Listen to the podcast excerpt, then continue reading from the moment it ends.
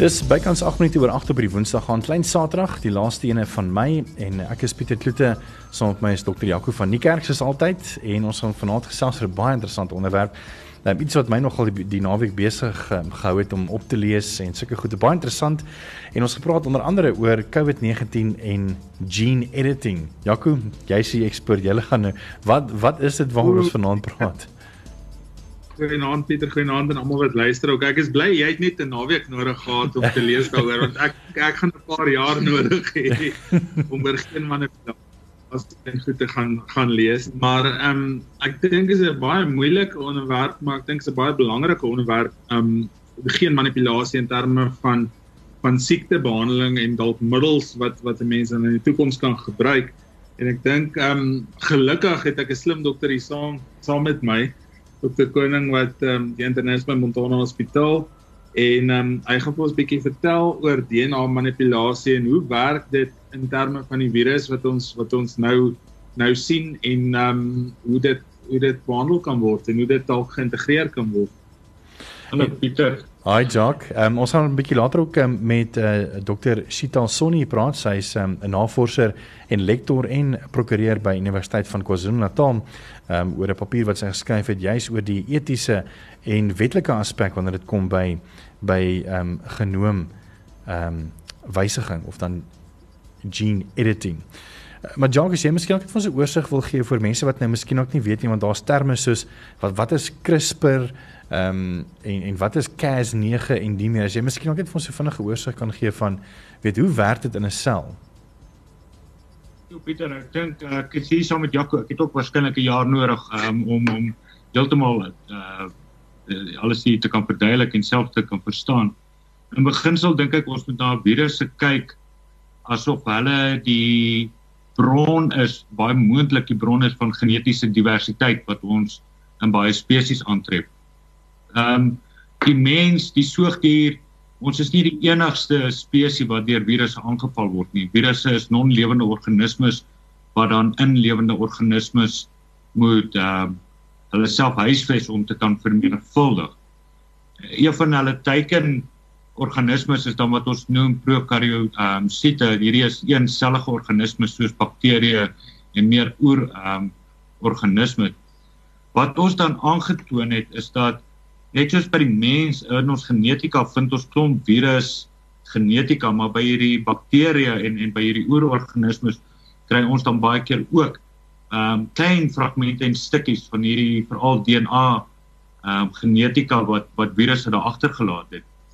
'n Vraag wat ons dan het is uh wat doen die bakterieë met dit? En dit wat dit vir ons dan blyk is dat hy bakterieë gebruik dit amper asof hy 'n verworwe immuniteit ontwikkel daarmee. So hy sal um, hierdie bakterieë sal dan wanneer hy weer so virus ontmoet wat hom infekteer, sal hierdie genetika uitgedruk word en dit sal dan die genetika van die virus weer herken. Op hierdie manier, hierdie is die CRISPR waar, waarna jy nou-nou verwys het. En dan sal hy meganismes soos die Cas9 en so gebruik om homself amper um, as 'n antivirale middel gebruik om aan van hierdie virus en die smeer te kan ontslaa raak. Hierdie eienskap het ons dan potensieel meer die die die die die kans om ander organismes soos um, die mensspesies dan ook gaan geneties mee te kan manipuleer dat ons herken sekere genetika fragmente en stukkies en ons kan dit begin verwyder en dis meer dit het ook diagnostiese waarde en laat waar ons nou byvoorbeeld hierdie PCR toetsings doen by COVID en so het ons nou nie meer so lank stuk genetika ons net 'n klein stukkie fragment nodig en ons kan dit dan as toets gebruik. Hmm. Maar hierdie is gepraat. Ek spot nou net vir Jaco en sê hierdie is so net dat ons eintlik eers met stetoskope nodig het as ons in hierdie gesprekke uh, betrokke raak. ja. Ek wil ook net bynoem dat ehm um, die die merkwaardigheid van die tegnologie van van die gebruik van CRISPR is ehm um, en help my asseblief reg is dat uh, in die verlede kon 'n mens nie jou DNA in jou selle regtig kon alter nie omdat daar 'n suster DNA streng is en en sodra jy hom dan sny of breek ehm um, herstel hom weer amper soos die kopie van die suster DNA in die sel. Ehm um, as ek dit nie mis het nie. Ehm um, so hulle het letterlik iets nodig gehad soos dan byvoorbeeld hierdie proteïen Cas9 om hom dan te programmeer programmeer om dan ehm um, want hy kan die DNA alter. Ja, dis hy wat die kliewing veroorsaak. So uh, die die die stukkie genetika word erken. Hierdie kan 'n kliewing daarvoor ehm um, ehm um, um, uitbring en en so kan ons verandering of manipulasie dan genetika terugbring. Hmm. Genetika is so klein is nie asof ons daar met 'n skalpel kan inklim en 'n stukkie uitsny hmm. en dan 'n ander implak met plastiek nie. Hmm. Ons moet dan ongelukkig ehm um, hierdie eienskappe wat ons by ons mikroorganismes vind, ehm um, daarvoor gebruik en ons kan dit dalk manipuleer waar dit vir ons verandering aan eie genetika mee kan bring.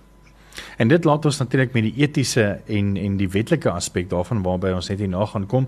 As jy enige vrae het oor uh, CRISPR of miskien ook oor Cas9 oor hierdie onderwerp vanaand, jy is welkom om uh, vir ons 'n WhatsApp of Telegram te stuur. Maar ek wil ook graag vanaand by jou hoor.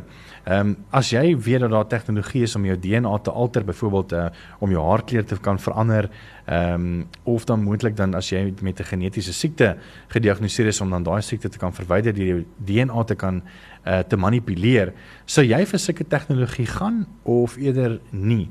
Laat weet vir ons 061 610 4576 onthou standaard tariewe geld.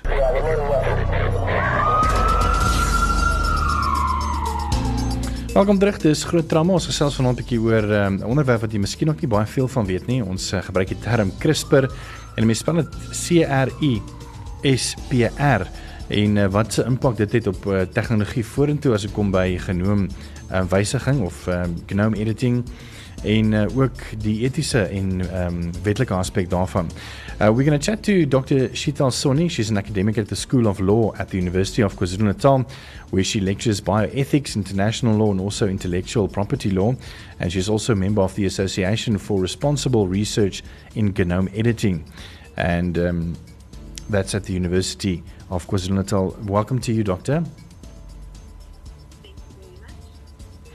Uh, Doctor, just um, when it comes to, to CRISPR and the whole ethics around that, uh, you've wrote a, a beautiful paper on the uh, about this on the website, theconversation.com. What come uh, when it comes to the use of CRISPR, ethical questions such as safety, equal access, and consent comes to mind. What impact does this have ethically, and also our right to health care if CRISPR proves to be working in humans? start off, you know, when we consider the right to health, um, that's identified as one of the fundamental rights under our South African Constitution. But if you think of our healthcare system, our healthcare system is built up of two parallel systems that run next to each other the public healthcare sector and the private healthcare sector, with the public system serving the majority of the population. But even though this right to health um, it applies uniformly to all citizens in South Africa, um, you find that the public system is limited by a number of constraints. There's treatment options that we find in the private healthcare system, and we don't either don't find that in the public system or the availability will be limited to just certain hospitals in the country where there may be specialists and where the facilities may be available. And just as an example, um, fertility treatment is one of these types of treatment. Um, you can easily access it in the private sector, but it's quite difficult in the public sector, depending on where in South Africa you are. So when you have these two systems that don't offer the same treatment options to patients, immediately you have an issue of equal access. So one of the challenges with CRISPR and making CRISPR-based treatments available would be that there has to be some democratization of healthcare that will open up access to treatment. And, you know, that's one of the purposes of the National Health Insurance Initiative um, to make access um, to, to, to, you know, enhance the, the right to equal treatment and things like that. Regarding safety, there are some clinical trials for CRISPR use, but it's largely dependent on the type of CRISPR use we're talking about. If we're talking about CRISPR of somatic cells, meaning using CRISPR in a patient's body in a way that affects only that patient, so you can um, use the the gene therapy in you know specific locations like the eye, for instance. There are clinical trials underway for somatic cell-based treatment, but the other type of CRISPR use, um, where it targets germline cells. That's more ethically controversial because these are cells like sperm and eggs or, or, or embryos. And the changes that CRISPR makes in these cells are heritable, meaning that the children, the offspring, descendants will all have this this this modification to the genome. Um, so in terms of um, safety, um, germline modification is largely prohibited internationally. More than 40 countries prohibit it expressly in their law. Um, South Africa, incidentally, doesn't mention it in, in, our law because the technology, you know, it, it, didn't exist at the time that our laws, our health health laws were written. Um, yeah, so you know we can chat about those issues a little bit more later. But regarding consent, if CRISPR-based treatment does become available, if it's approved as safe for use by SAHPRA, the South African Health Products Regulatory Authority, um, the provisions of the National Health Act would apply. And when we think of things like consent, for you to receive a CRISPR-based treatment product, um, the provisions of the Act would apply. Your healthcare provider providing the treatment would need to obtain your informed consent in terms of which you would have to understand the benefits and risks associated um, with undergoing this very new kind of treatment. And also, when it comes to um, to equal access, I mean, there's already companies in the world um, that sells CRISPR or Case nine protein um, cells to companies like, uh, for instance, yogurt industry with when it comes to their bacteria, uh, even crops, and also um, at very affordable rates. I mean, you can actually literally just buy um, that, that um, sequence on the internet. Uh, for as little as thousand dollars and some as cheap as sixty dollars. Um, so, do you think that it, it would be more, uh, it, it, would be cheap enough to, to roll out to, to every citizen if there's uh, a medical um, studies done on this? And then the other question is um, that I've just thought of now is, is that, you know, will um, uh, medical aids um, stand in and pay for this? Because, I mean, if, if, if, it, if it can take away your, let's say, leukemia, that means that you're healthy again and you don't need um, medical aids anymore. for instance, uh, I don't know. what is your thoughts on that? Um, let's talk about the equal access first, but the other question is quite interesting. If we think about access to the treatment, is it going to be affordable affordable for people? It's a bit of a difficult question to answer, but unfortunately, we have one or two examples that kind of gives us an indication of what kind of figures we're going to be looking at. So, like I was saying a few minutes earlier, there's currently some clinical trials into CRISPR based treatments, but these are on somatic cell therapies, meaning treatments that will target, for instance, an organ. Um, and one of the first commercially available CRISPR based treatments is a product called Luxturna, which is a gene therapy product that's marketed to treat congenital blindness.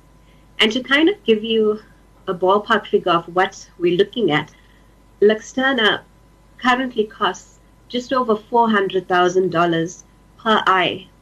So we're sure. looking at close to a million dollars for one patient if they've got congenital blindness that affects both of their eyes. So if we look at the cost, gene therapy, the therapies that are available now, they are exorbitantly expensive, even though there are some payment options available in the countries where they're offered.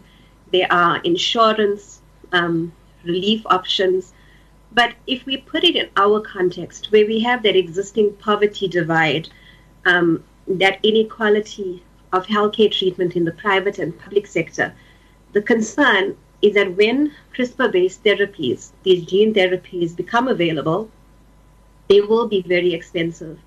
And it will primarily be just the rich who will be able to afford it. And if we think of what CRISPR does, it modifies the human genome it really will just take a few generations, two or three generations of a person, person's family using CRISPR-based treatments for it to become very apparent in society what's happening. And what we'll find is that it will be those who can afford the very expensive novel new treatments that will be able to remove serious diseases from their families. But, you know, that paints a very dark picture. You know, it, it makes us think of living in a future where if you cannot afford gene therapy based treatment, you are going to be part of the population that has the disease, the disabilities, etc. But I think South Africa can be quite instrumental in the way that this actually progresses because we've set an example for the entire world when it comes to access to treatment.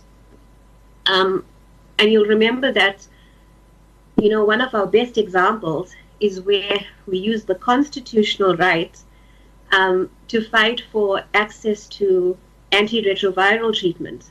And that one court case, it really, you know, at that time, it saved tens of thousands of lives because it really opened up, you know, the door for people to be able to access medication that not only would they not survive without, but they could transmit um, HIV to, to to their children if they didn't have access to it. So we set a great example for that, and I think the law can be used um, to kind of guard against this effect of only the rich being able to afford the treatment, because I think there's a strong argument to be made that if we have these therapies that are able to enhance your quality of life, reduce disease, they should be available to anyone in the population. Mm. So, in terms of access, there is a monetary barrier. They are going to be expensive, but I think there are ways that we can work at opening up that access um, and making it more more equal. Yes. In terms of the the health insurance, that's quite an interesting one because, you know, on the on the one hand we have the medical aids, but then you have the insurance companies, and I'm thinking more of, you know, in terms of things like life and disability insurance. If you think of the medical aids, this is it's a difficult one because if you make people healthier, if you're going to make them um, less prone to disease, what's the point of medical aids? So it would be a little bit of a of a difficult one, but again, we have seen examples around the world where health insurance, the medical aid programs, are actually offering some relief to um, for these very expensive gene therapies. And the reason that they're doing that is because using gene therapies, which can be very effective at correcting a genetic condition, it can actually reduce patients' cost for that medical aid in the long term. Mm. So it wouldn't necessarily mean less business for the medical aids. Um, it, it, can also operate to the advantage. Um, the insurance companies are quite an interesting one because if you think about the potential of CRISPR based treatments to make people healthier, you have to ask the question then if if we now give people the choice, there are these treatments available that can remove the disease by altering your genome um, do you consent to having the treatment? What happens if a patient actually says no? Um, you may think that it's serious, but I actually want it left alone. Um, you know, we, we can think of the conversation going in the opposite direction if, if you kind of follow me, where insurance companies can actually pressure people to actively use these therapies um, to, to make them healthier um, it becomes a bit of an ethical issue as well. If you refuse treatment, do you get stigmatized um, for for not wanting to interfere with your genome? We're going to chat about uh, the ethical part um, just after this short break. Uh, so bly geskakel ons by jou weet, ehm um, sal jy jou DNA uh, wil herprogrammeer om byvoorbeeld genetiese siektes uh, heeltemal uit te sny uit jou uit en natuurlik uit jou o nasate ehm um, in die toekoms. Laat weer 'n bietjie vir ons op 061 6104576 onthou standaard tariewe geld. Uh, as jy wil saamgesels ons gesels bietjie oor ehm um, jou DNA wat jy kan alter met nuwe tegnologie wat nou alreeds al 10 jaar omtrent ehm um, nagevors is en dit nie langer nie. Ehm um, maar deesdae is dit nogal op almal se lippe en dit is die naam CRISPR en die tegnologie daar rondom om mense DNA te kan ver verander om juis genetiese siektes in jou eie ehm um, uh, liggaam te kan uh, heeltemal alter sodat jy nie meer geneties daarvoor kan gaan nie. En natuurlik, hulle noem die term germline, dit is dan natuurlik jou en dan jou nasate om te verseker dat jy nie genetiese siektes gaan kry nie. So, laat weet 'n bietjie vir ons, sal jy toelaat om dit te doen? Laat weet 'n bietjie vir ons by 061 6104576 en onthou standaard tariewe geld en ons hoor graag van jou. I'm also chatting to um uh, to Dr. Soni. She's from the KwaZulu-Natal University, and um, she's uh, at the School of Law at the University of KwaZulu-Natal, where she lectures bioethics, international law, and also intellectual uh, intellectual property law. And uh, she chatted about equal access and also the safety, equal access, and also consent with regards to genome editing. Um, interesting uh, topic we're going to discuss now, um, Doctor is when it comes to you know obviously editing of genes um, there has been um, some articles written about this where uh, even an interview where the the president of um, of Russia Putin said that um, you know they're spending a lot of money uh, trying to research where they could literally um, create uh, like normal people that will sign up for for military that they can literally then edit the genomes of the people in the military to so that they cannot feel pain anymore which have obviously its advantages when it comes to war um, but also when it comes to torture and stuff like that. And uh, there's an article that was written in the MIT Technology Review on the 22nd of August last year that says a scramble for a new generation of pain treatments began when scientists zeroed in on a gene called SCN9A, which makes a molecule present in nerves called NAV1.7 that is a key player in transmitting pain to the brain. Uh, so, Doctor, um, when it comes to ethics, how are, go- how are we going to regulate this type of genome editing? Um, you know, it's going to be very difficult to kind of um, work in work in little boxes in in each of the different countries, and I think. Um, you know, if if you've kind of been following the discussion on gene editing, you'll see that um, it, it's become quite multidisciplinary. The scientists are talking about it, the medical researchers, um, the laws become involved, the ethicists, the philosophers. Um, because if you think of what um, gene editing is, it's it's an opportunity for us to modify our genome. You know, our our common genetic heritage. It's what it's what makes us makes us who we are. And I think if we're trying to look at what principles should guide us, it's very difficult to kind of look at look at it from just from where we are. So, South Africa, the United States, the United Kingdom, or Australia. And I think more of a global kind of approach is a good way to start to kind of get um, to kind of get everybody in on the conversation and to try and agree on some ethical principles that can operate almost as standards that we're willing to accept. What what are we prepared to do and what are we not prepared to interfere with or where do we draw that line? Because if we talk about ethics, ethics in itself, it's it isn't a uniform sense of rules. It's going to be different depending on where you are. And if we look at the way that international law approaches gene editing, um, we, we run into a very similar kind of problem where gene editing is technology that, um, you know, it, it, it really didn't exist at the time that the, the countries were talking and, and, and writing the existing international law. But there are provisions in international law that kind of give us um, some kind of safety net against um, the situation that you're describing in Russia, where um, basically they are thinking about what, in essence, would be a universal soldier, someone who is strong, who cannot feel pain, and in essence can defend and get the job done. Um, one of the relevant provisions of international law is that it gives us a nice kind of yardstick as to where we can draw that line. And specifically, what it says is that any any kind of genetic intervention in the human genome, um, it can only be done for preventative, diagnostic, or therapeutic purposes, and only if it doesn't aim to introduce any change that can affect a descendant. So it, it immediately targets therapy, therapeutic use, as being that yardstick as to what would be permitted in international law. So that would be um, a gene editing treatment that would cure disease, prevent disease, um, etc. But it's important because it says two things. Number one, that the treatment must be therapeutic, um, and it also mustn't be passed on to future generations. So immediately it's creating that safety net that we can't start interfering with embryos and things like that. Um, because remember, this is very new and its safety hasn't been established um, in, in humans largely.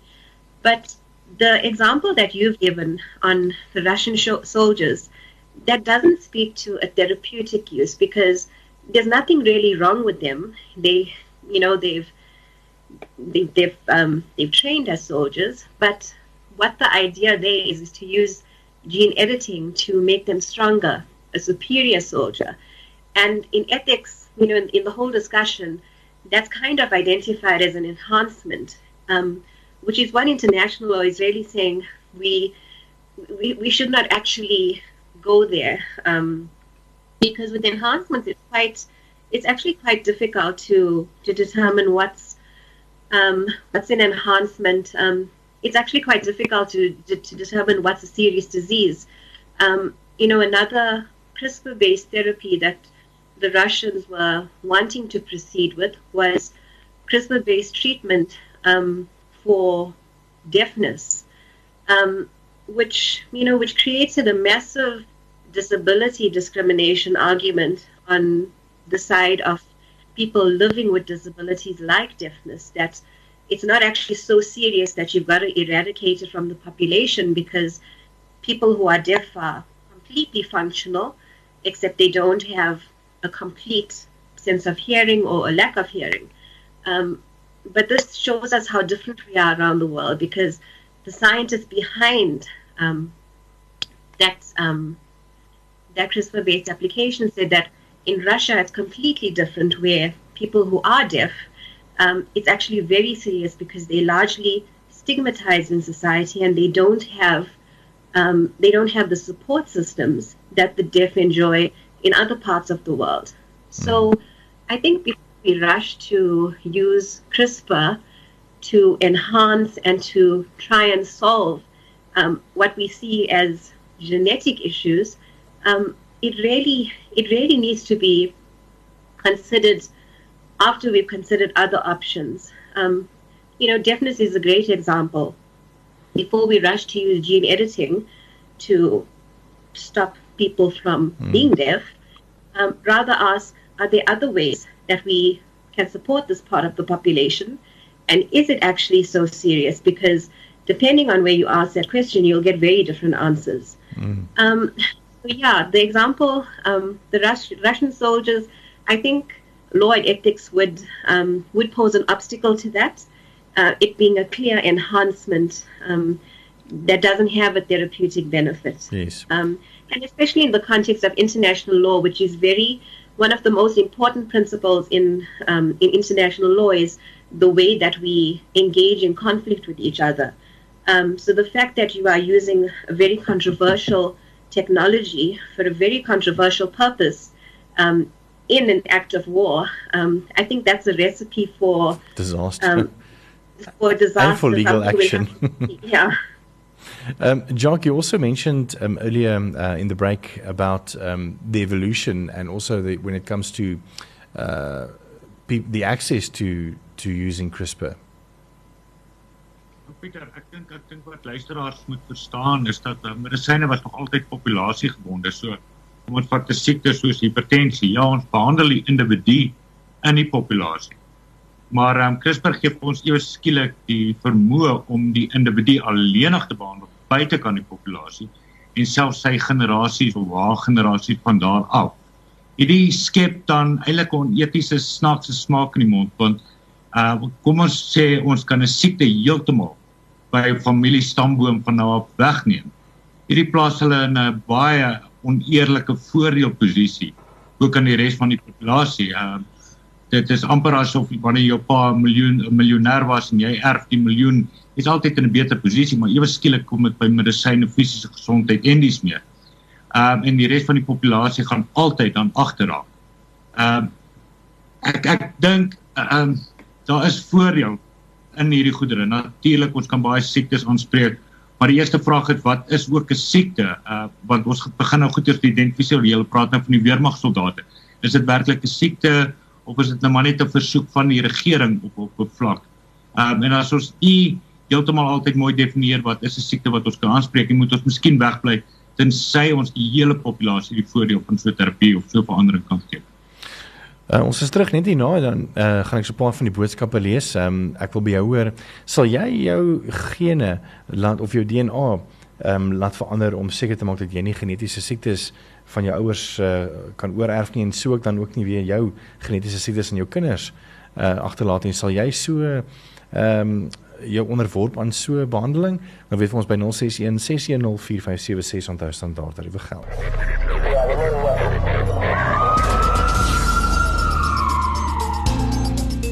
Dis groot trauma op Groot FM 90.5 10 minute weg van 9 uur af. Ons is selfs bietjie oor DNA ehm um, editing of waar jy dan jou DNA kan alter uh juis wanneer dit kom by genetiese siektes wat jy dan van jou familie af oorerf om dit half heeltemal uit te skakel en so dan vir jou familie vorentoe. Uh so 'n paar van die kommentaar wat deurgekom het, ek sien ehm um, Sue Ann het gesê goeienaand Pieter, ek sal moontlik vir so 'n DNA herprogrammering gaan, maar net waar dit by 'n genetiese siekte sou kom, sou dit nie doen om uiterlike veranderinge soos haarkleur of enigiets anders te verander nie. Ek sien dit is 'n voorkomings sy sien dit as 'n voorkomende mediese behandeling. Mooi aan verder.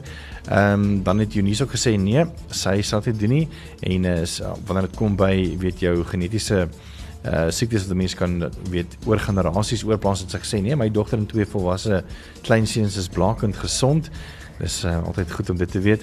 Ehm um, dan het um, nog iemand hier gesê, uh, Henta Wells het gesê verseker sal dit wil gebruik om risiko's vir demensie en Alzheimer uit te skakel en ek weet ehm um, en dan nou dat jy so praat van Alzheimer, daar was ook 'n artikel ehm um, wat ek raak gelees het. Ek dink dit was gewees ehm uh, op die New York Times webblad gewees ehm um, waar hulle gesê dat hulle juist nou ook gaan begin navorsing doen oor CRISPR en Alzheimer wat nogal uh, baie interessant is. En sy sê ook dan verder enige siekte wat las uh, verander kan veroorsaak, uh, selfs beroertes en en kanker. Ehm uh, dan sê iemand hierso ehm um, net gefvra kyk dis Kobe Roberts. Dis amper soos om dit uh om om vir 'n heeltemal 'n ander operasie te gaan om jou jou geslag te uh, te verander. Ehm um, die taal jy of jy jy totaal en al vir jou voorgeslag en nageslag uit en sit iemand anders se bloed in jou. Nee, ek trots op wie ek is, siekte en al. Uh ja, ek dink Kobus is dan nie heeltemal wat DNA hervorming en en gene editing aan jou doen dat jy nou heeltemal iemand anders is nie. Jy is nog steeds die persoon wie jy is met dieselfde bloed en nie meer, maar ehm um, jy het dan miskien ook net nie meer genetiese siektes soos byvoorbeeld ehm um, uh leukemia of of uh, Alzheimer of so iets nie. Um just some last words on um the uh, legal side when it comes to gene editing Dr. Soni from your side. How do you see the um, development of this uh, in the future? Will it, you know, will we start hearing more of this very rapidly and soon, or do you think there's still a long road for CRISPR and when it comes to ethics and law? I think when it comes to the ethics and law, I think it's going to be it, it's going to be a bit of a long road towards um, creating specific laws, but um, it's necessary. And the reason why I say the road might be a little bit long is that it takes it takes a while to draft law and to pass law. Um, but will we hear more? We're definitely going to be hearing more. Um, I think, you know, the, the world's attention was really caught in 2018 when um, the Chinese scientist Dr. He Jiankui um, announced that he had gene edited um, twin girls that year. So I think it's something that, and, and after that, everybody had an opinion. Everybody wanted to talk about what happened. Was it good? Was it bad? Why was it bad? Um, so I, th- I think we are going to hear much more. Um, and it's just going to have the snowball effect where it will culminate in us being placed in this point where we are able now to offer treatment because enough research has been done. Um, but I think that law and ethics must must also walk that road with with the scientific progress. Um, so when we do reach that point where it is safe to to treat disease using CRISPR, um, that we have um, ethical principles and we have legal rules that can guide um, how we how we use the technology so we don't have um, we don't have morally troubling issues in front of us. But yeah, we're going to hear about it more quite often now. it's going to be part of our everyday lives. Uh, Jaco van die mediese aspek. Ja, Pieter, ek dink as mens praat van etiek en medisyne, is dit 'n baie ek noem dit 'n wollerige topik. Jy weet, want daar's nie 'n regte en 'n verkeerde antwoord nie, dit hang af van watter kant af jy kyk. So ek dink daar's 'n lang pad voor vir vir geen manipulasie in in etiek en en wat is eties en wat is nie eties nie. Ek dink net geen manipulasie is nog baie nuut. Um en ek dink nie ons weet al alles nie. Ek dink ook nie um daar's al genoeg gedoen om te sê dis veilig of is nie veilig nie. En ons het nou nou gepraat oor um die oomblik wat jy enige mediese terapie doen, moet jy ingeligte toestemming by 'n pasiënt kry. En ingeligte toestemming beteken daai pasiënt moet presies verstaan wat is die potensiële voordele en potensiële nadele aan aan die betrokke behandeling. En as die navorsing nog nie daar is om vir ons 100% te kan sê dit is dis veilig of dis nie veilig nie en wat is die potensiële komplikasies en of voordele nie, dan is dit 'n baie moeilike ding om te sê jy jy gaan vir iemand 'n um, ingeligte toestemming ehm um, jy weet vra. Ek dink nie dis dan moontlik nie. Ehm um, so ek dink daar's 'n baie lang pad nog voor voordat ons by die punt gaan kom wat wat dit 'n alledaagse verskynsel gaan wees om geen manipulasie toe te pas om om om siektes te behandel. En ek dink daar gaan nog baie water in die see moet loop om um, om die etiese aspekte daar agter uit te sorteer. Jog nog so laaste uh antwoord van jou af oor CRISPR en genoom Pieter Pieter ek dink ehm um, wat mense moet besef is wat ons vroeër ook genoem het hierdie hierdie is 'n gesprek vir almal. Natuurlik kom dit by medisyne in, ons dink jy beskiklik dis 'n terapie of jy praat van leukemie of praat van Alzheimer se so. Maar dit het 'n groter impak. Evolusie is altyd 'n amorele proses bedoelende daar is nie bedoeling van goed of sleg ehm um, weens die natuur vir ons nie. Maar skielik skielik het ons hierso 'n uh, wil eintlik nie woord terapeutiese opsie nie, maar ons het 'n geleentheid waar ons vir mense ewe skielik superioriteit teenoor ander in die populasie kan aanbied. Hmm. En hierdie gaan deur generasies. Hierdie is verby medisyne. Hierdie is wat ek nou nog genoem het waar ek en dokter Jaco met 'n stetoskoop rondloop. Hierdie is nie daai tipe medisyne meer wat ons het nie. En ons almal, ehm um, al die verskillende aspekte van die samelewing, alle verskillende beroepe gaan moet op 'n stadium 'n gesprek oor hê wat wil ons daaruit hê? Wil ons dit net in medisyne los? Ja, goed, dit is baie goed. Wil ons dit vir ander pasiënte, wil ons dit vir die weermag gee? Nee, dit kan dalk nie die beste idee, idee wees nie. Wonderlik. Um, thank you so much again uh, for everybody's uh, insight into this. Um, I think we should probably do a, um, another follow up on this conversation uh, later in the year, probably to, uh, next year, when uh, more research and more developments um, have evolved around CRISPR and genome editing. Uh, again, Dr. Shital Soni, um, thank you so much for taking an hour out of your time um, and chatting about this. We can see that you're very passionate about this this topic. Thank you so much for your time. Thanks very much. Dr. Jaco, soos altyd, lekker om weer met jou te gesels en dat jy deel is van die gesprek en ook Dr. Jacques Koning daar van Montana met. Dankie vir julle ook.